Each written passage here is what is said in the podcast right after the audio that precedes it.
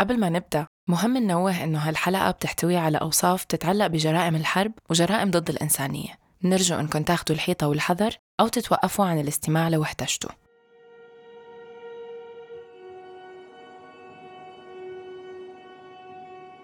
بالبداية لما بدينا نوثق القصص حسيت إنه لازم نوثقهم كرمال الأمهات اللي خسروا أولادهم وبناتهم وكرمال الأطفال اللي خسروا أهاليهم.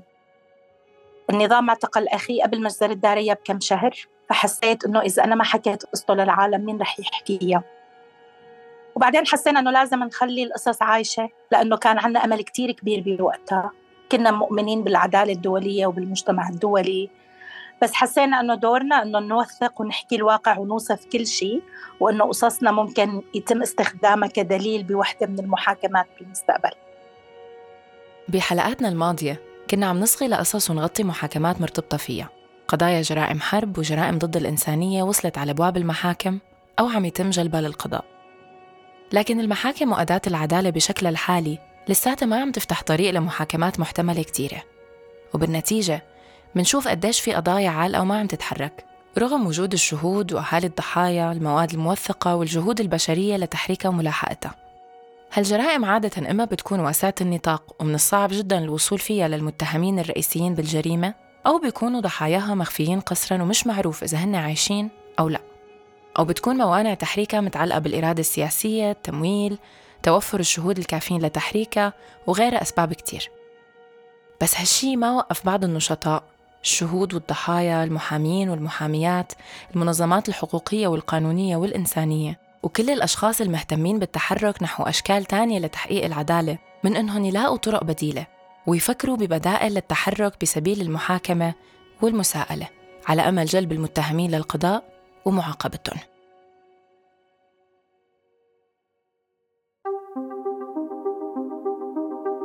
أهلا فيكم بالحلقة التاسعة من قيد المحاكمة عن متهمي وضحايا الجرائم في سوريا. مدونة صوتية باللغة العربية نصغي فيها لقصص وتجارب حول المشهد المتناثر لجهود العدالة والمحاسبة على الجرائم الجسيمة المرتكبة في سوريا. في محاولة لفهم ألغاز التحقيقات وأسرار المحاكمات القضائية الماضية الجارية والقادمة. اسمي كريستينا كغدو ورح كون عم رافقكم خلال حلقات هالموسم يلي رح نصغي فيه لشهود وشاهدات وأصحاب قصص صوت الشارع ومختصات وأخصائيين بالشأن القضائي والحقوقي. لنحاول نفكك ونفهم مع بعض. لوين ممكن تاخدنا هاي المحاكمات؟ وشو هو معنى العدالة بظل استمرارية رئاسة النظام السوري المسؤول عن انتزاعها؟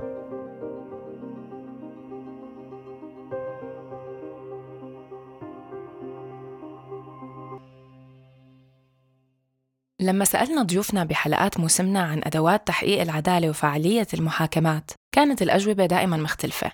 نفس الشيء باستطلاعات الرأي بشوارع سوريا وتركيا وألمانيا. في المؤمنين بفعاليتها في اللي مو متابعينها ولا مهتمين فيها في اللي بيشوفوها وسيلة أو جزء من طريق طويل وفي اللي بيشوفوها غير مجدية طالما أنها ما عم بتتم بسوريا وما عم بتحاكم رأس النظام وأعوانه. بس مع هيك المبادرات لتحقيق شكل من أشكال العدالة ما بتوقف سواء كانت كبديل مؤقت أو كجزء من الصورة الكبيرة يلي رح تتشكل مع الوقت بمعنى إنها عملية بناء تراكمية. بحلقة اليوم رح نتعمق بالحديث عن وحدة من هالمبادرات ورح نحكي عن غيرها من المبادرات ونفهم آليتها وطرق عملها. اسمي خلود حلمي صحفية سورية وناشطة بحقوق الإنسان. بال 2010 كنت عم بدرس الماسترز بجامعة دمشق وتخرجت بهديك السنة وكنت عايشة حياة كتير عادية. ما بعمري كنت أبدا معنية بالسياسة ولا لي علاقة فيها لا من قريب ولا من بعيد. من لما بلشت الثورة لقيت حالي واحدة من منظمين المظاهرات السلمية بمدينتي بدارية مع صديقاتي وأصدقائي بهداك الوقت.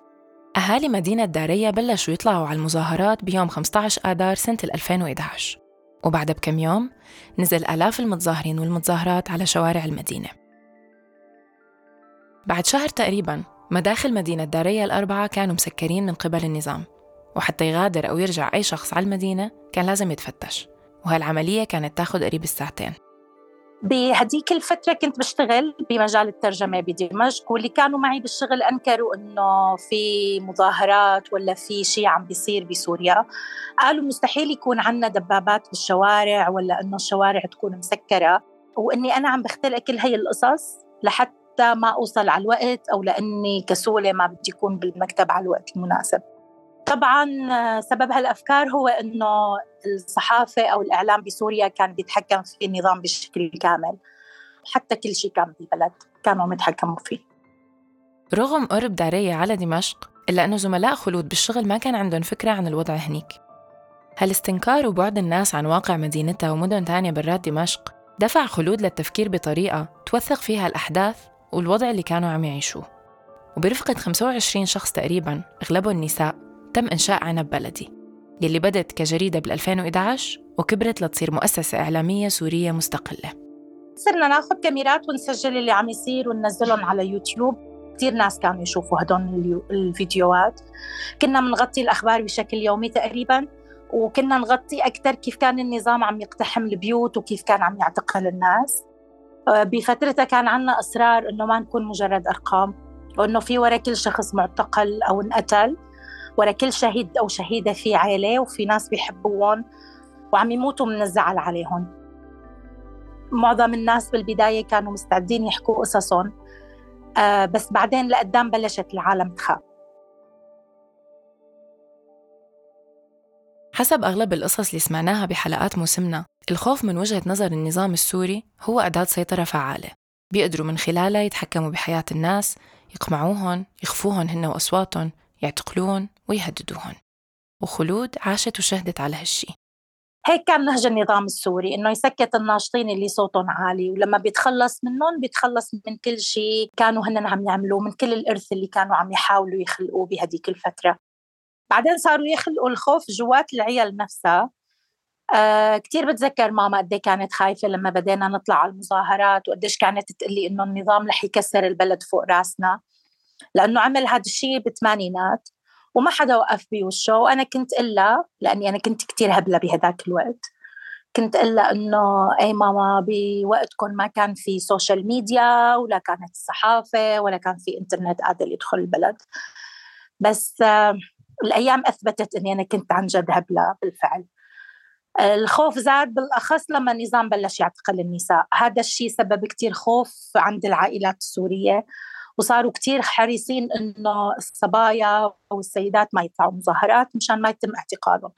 فصاروا يمنعوهم وحتى الشباب كمان يعني في ناس صارت تخاف على أولادها إنه تطلع تشارك بالمظاهرات بس بالأخص البنات لأنه هي الفكرة كانت تجسد إنه هذا عار على العائله كلها فما كان بدهم النظام يشوه سمعة هالعائله والناس صارت ممكن تقول إنه والله ليكو هي البنت اعتقلها النظام والله أعلم شو عملوا فيها جوات المعتقل وهي الأفكار كثير صارت تذبح العالم من جوا. والنظام عرف كيف يستغل المواقف فكتير استغل هي النقطة لحتى يقمعنا. وغير هيك صرت شوف كتير رفقات اللي كانوا عم يعملوا فرق اللي قادرين يحدثوا تغيير بالبلد. صرت شوفهم وهن متعرضين للتسكيت أو الاعتقال. فصار النظام يحبسهم لحتى يخرسهم ويسكت أصواتهم. بهديك الفترة بلشنا نخسر الصوت الواعي اللي كان بيناتنا وصرنا نسمع من ناس بلشت تحرض على العنف ولا تحرض على التسليح ولا تحرض على حتى إنه النساء ما لازم تشارك بالمظاهرات وما لازم يطلع صوت النساء.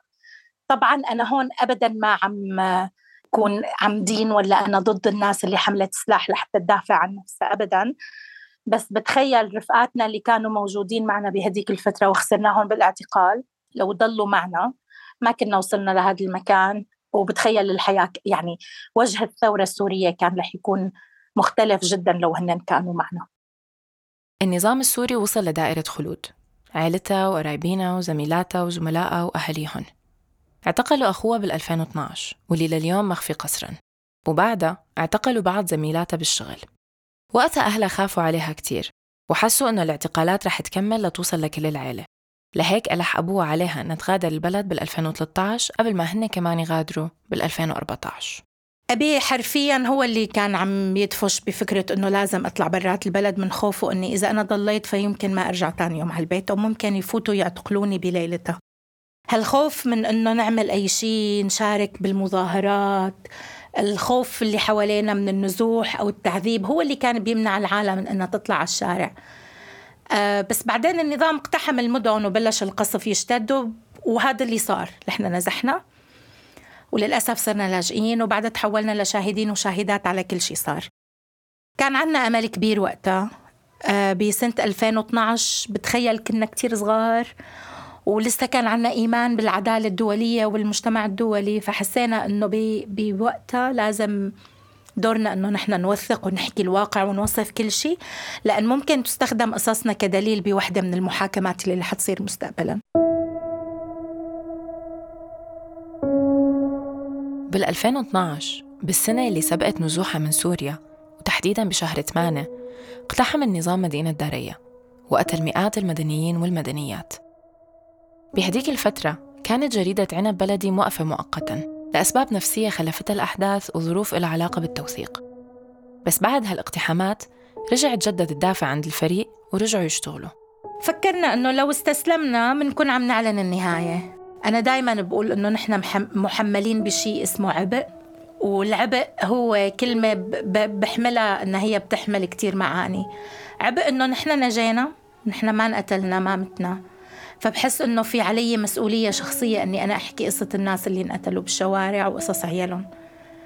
بالأخص بنهاية شهر 8 ب 2012 آه، بلشنا نشوف حالنا مو بس مصدر أخبار. كمان كنا مسؤولين عن حفظ الذاكرة الجماعية اللي صارت بعد المجزرة الكبرى بمدينة داريا ونوثق القصص آه، قصص الناس اللي عانت من جرائم النظام بهديك الفترة. أنا عندي إيمان شخصي إنه بيوم من الأيام رح نرجع نشوفهم. رح نشوف أو نقابل المعتقلين أو اللي انقتلوا. ما بعرف ليه عندي هذا الشعور بس بعرف إنه إذا بيوم من الأيام رح أشوفهم ويسألوني شو عملتي من شاننا يمكن يكون في شيء أنا قدرت أعمله ورح أقول لهم إني أنا ساويت هذا الشيء كرمالكم. لما يكون عندك القدرة أنك تحكي أو أنت بتمتلك رفاهية أنك أنت تكون عندك لغة تانية تحكي فيها وعندك القدرة أنك تقدر توقف وتدافع عن شيء. بتصور هذا هو اسمه امتياز ومسؤولية. لهالسبب آه، كملنا بالشغل اللي نحن عم نشتغله. المبدأ اللي قامت عليه جريدة عنب بلدي بيركز على توثيق القصص والأحداث عن طريق صحفيين وصحفيات وناشطين وناشطات. الأشخاص كانوا بقلب الحدث ببوز المدفع يعني مثل ما بنقول. وتوثيق هيك أحداث ما بيجي من غير مخاطر حقيقية وجسيمة وهذا تماما اللي عاشوه العاملات والعاملين بالجريدة. بعنب بلدي كلنا عانينا بطريقة أو بأخرى. أخي اللي كان واحد من مؤسسين اعتقل ولهلأ لسه مختفي وما بنعرف أي خبر عنه. كمان صديقنا تاني من المؤسسين اعتقل قبل ما يعتقل أخي بكم شهر أخذوه بشباط 2012 بينما أخي اعتقل بأيار 2012 نبيل اعتقل بشباط 2012 أعلن النظام أنه هو استشهد تحت التعذيب ب 2015 ونحن أصلا ما عرفنا بهذا الشيء إلا بعد التسريبات اللي صارت بعام 2018 أنه هو انقتل تحت التعذيب. كمان خسرنا أحد المؤسسين بجريدة عنب بلدي بقصف النظام على داريا ب 2012 نهاية 2012 بشهر كانون الأول. وبعد كم شهر كمان خسرنا مدير التحرير عنب بلدي ب 2013 بقصف النظام كمان على مدينة داريا وعنب خسرت آه، المراسل اللي كان يغطي لنا الأحداث من آه، من قلب مدينة داريا قتلوا النظام وقت اللي استهدف سيارته. كنا نخسر الصحفيين بس مجرد لأنهم كانوا حاملين كاميرات. هدول اللي خسرناهم فقط بأول كم سنة من عنب بلدي. أول سنة يا دوب يا دوب تاني سنة من الثورة. ولحد هاي اللحظة لسه عم نخسر ناس.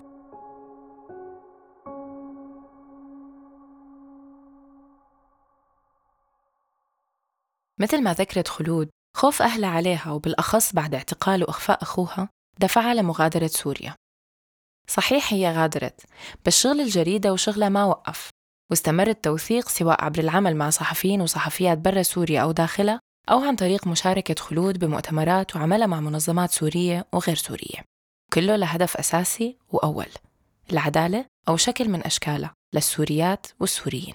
أنا بعدني جزء من عنب بلدي وكمان عضو بحركة عائلات من أجل الحرية اللي هي منظمة سورية بندعي من خلالها لتحرير المعتقلين السوريين من سجون سوريا سواء كانوا محبوسين عند الأسد ولا عند جهات أو أطراف النزاع المسلحة الأخرى.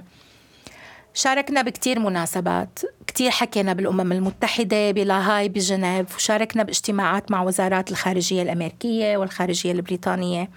كنا كتير صريحين. حكينا بصوت عالي كتير وصريح بس حتى هي اللحظة ما عم نشوف أي نتيجة.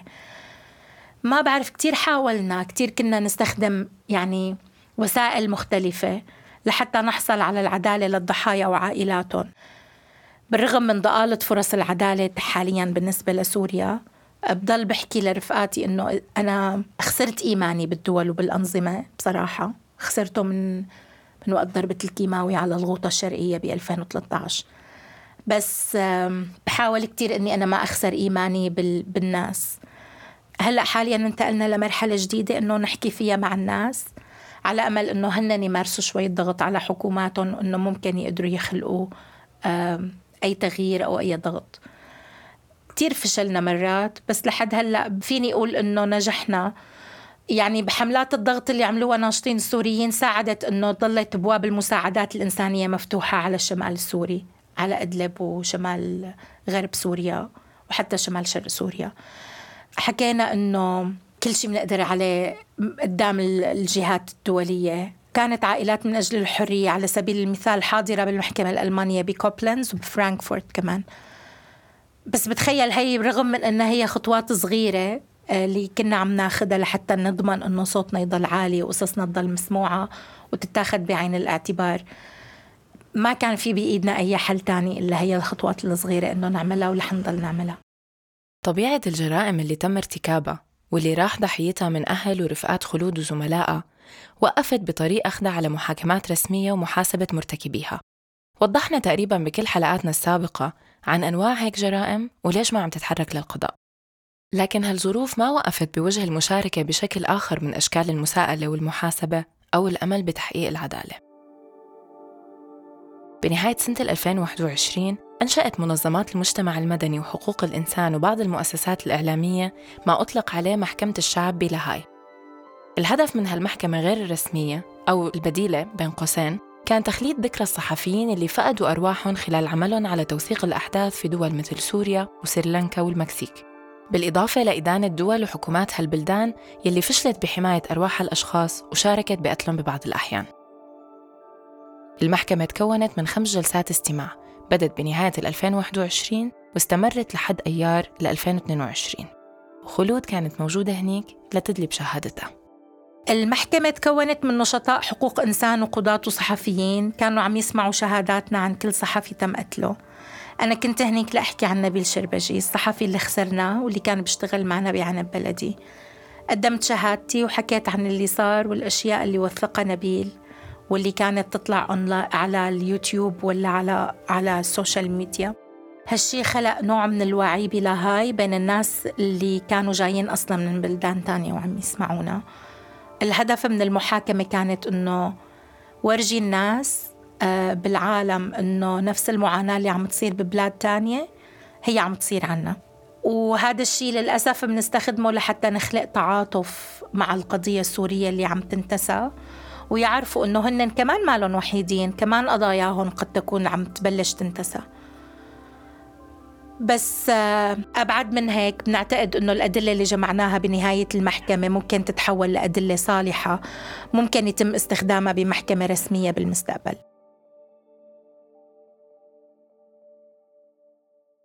محكمة الشعب كانت إحدى المبادرات اللي بتسعى لتحقيق العدالة. يلي مثل ما قالت خلود في احتمال كبير إنه يتم استخدام نتائجها بالمستقبل وهي من زاوية ما بتعتبر كمان وسيلة للتفكير خارج الصندوق وطريقة لاستباق المحاكم وتحدي تعقيداتها.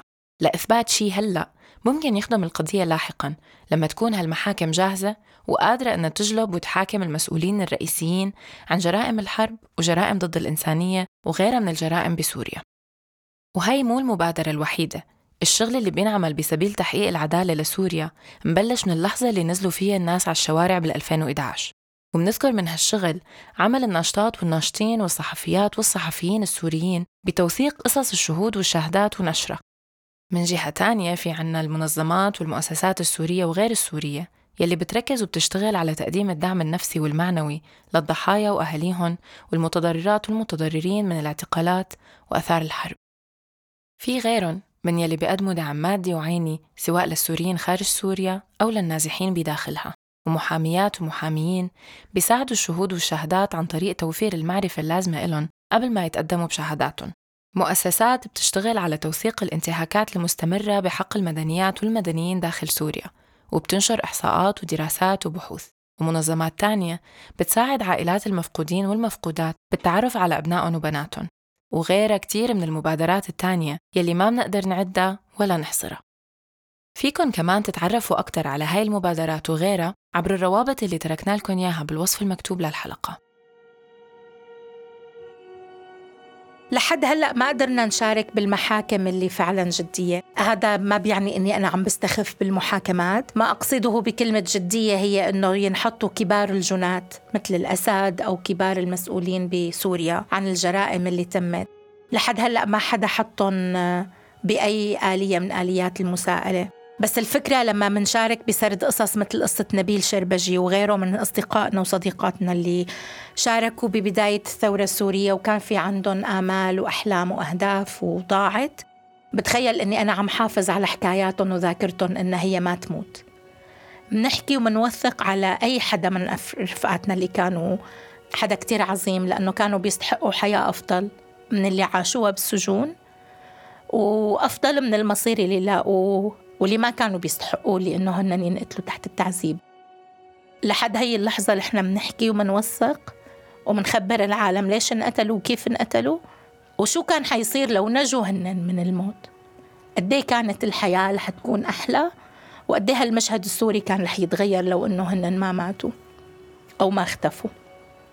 التوثيق اللي إحنا بنعمله والحكي اللي بنحكيه هو بذكرنا إنه كل القضية السورية كانت رح تفرق ورح يكون وجه الخارطة السورية غير لو ما خسرنا كتار من المدافعين عن هي القضية. شخصيا بحس أنه عندي مسؤولية أني أروي اللي صار وأسرد ووثق قصة نبيل وقصص ناس تانيين كتيرة. عندي تصور أنه إذا أنا خبرتكم هدول الحكايات هي الحكاية اللي حتستمر من خلال أي حدا بيسمعها. وممكن بيوم من الأيام هن يحكوا لحدا ويقولوا له أنه هن سمعوا عن حدا. كان عايش بسوريا وهيك صار معه. للأسف لساتني عايشة وعندي ذاكرتي. طول ما أنا متمسكة بذاكرتي وذاكرة أصدقائي اللي كانوا واقفين جنبي بيوم من الأيام بتخيل إنه أنا عندي مسؤولية إني أحكيها بكل الطرق الممكنة وضل أرفع صوتي لحتى تضل مع الناس بالمستقبل.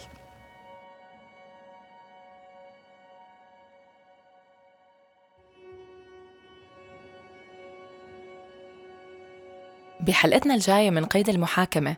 رح نحكي عن متهمين بجرائم حرب وجرائم ضد الإنسانية موجودين برات سوريا واللي لهلأ غير معتقلين بالرغم من امتلاك بعض الدول لصلاحية القبض عليهم. ورح نحكي عن بعض الآليات يلي من شأنها تسرع من محاكمات علقانة وتضغط للقبض على هيك نوع من المتهمين. هالحلقة من كتابة وإعداد وإنتاج سليم سلامة. تحرير وتحقق من المعلومات ميسقات.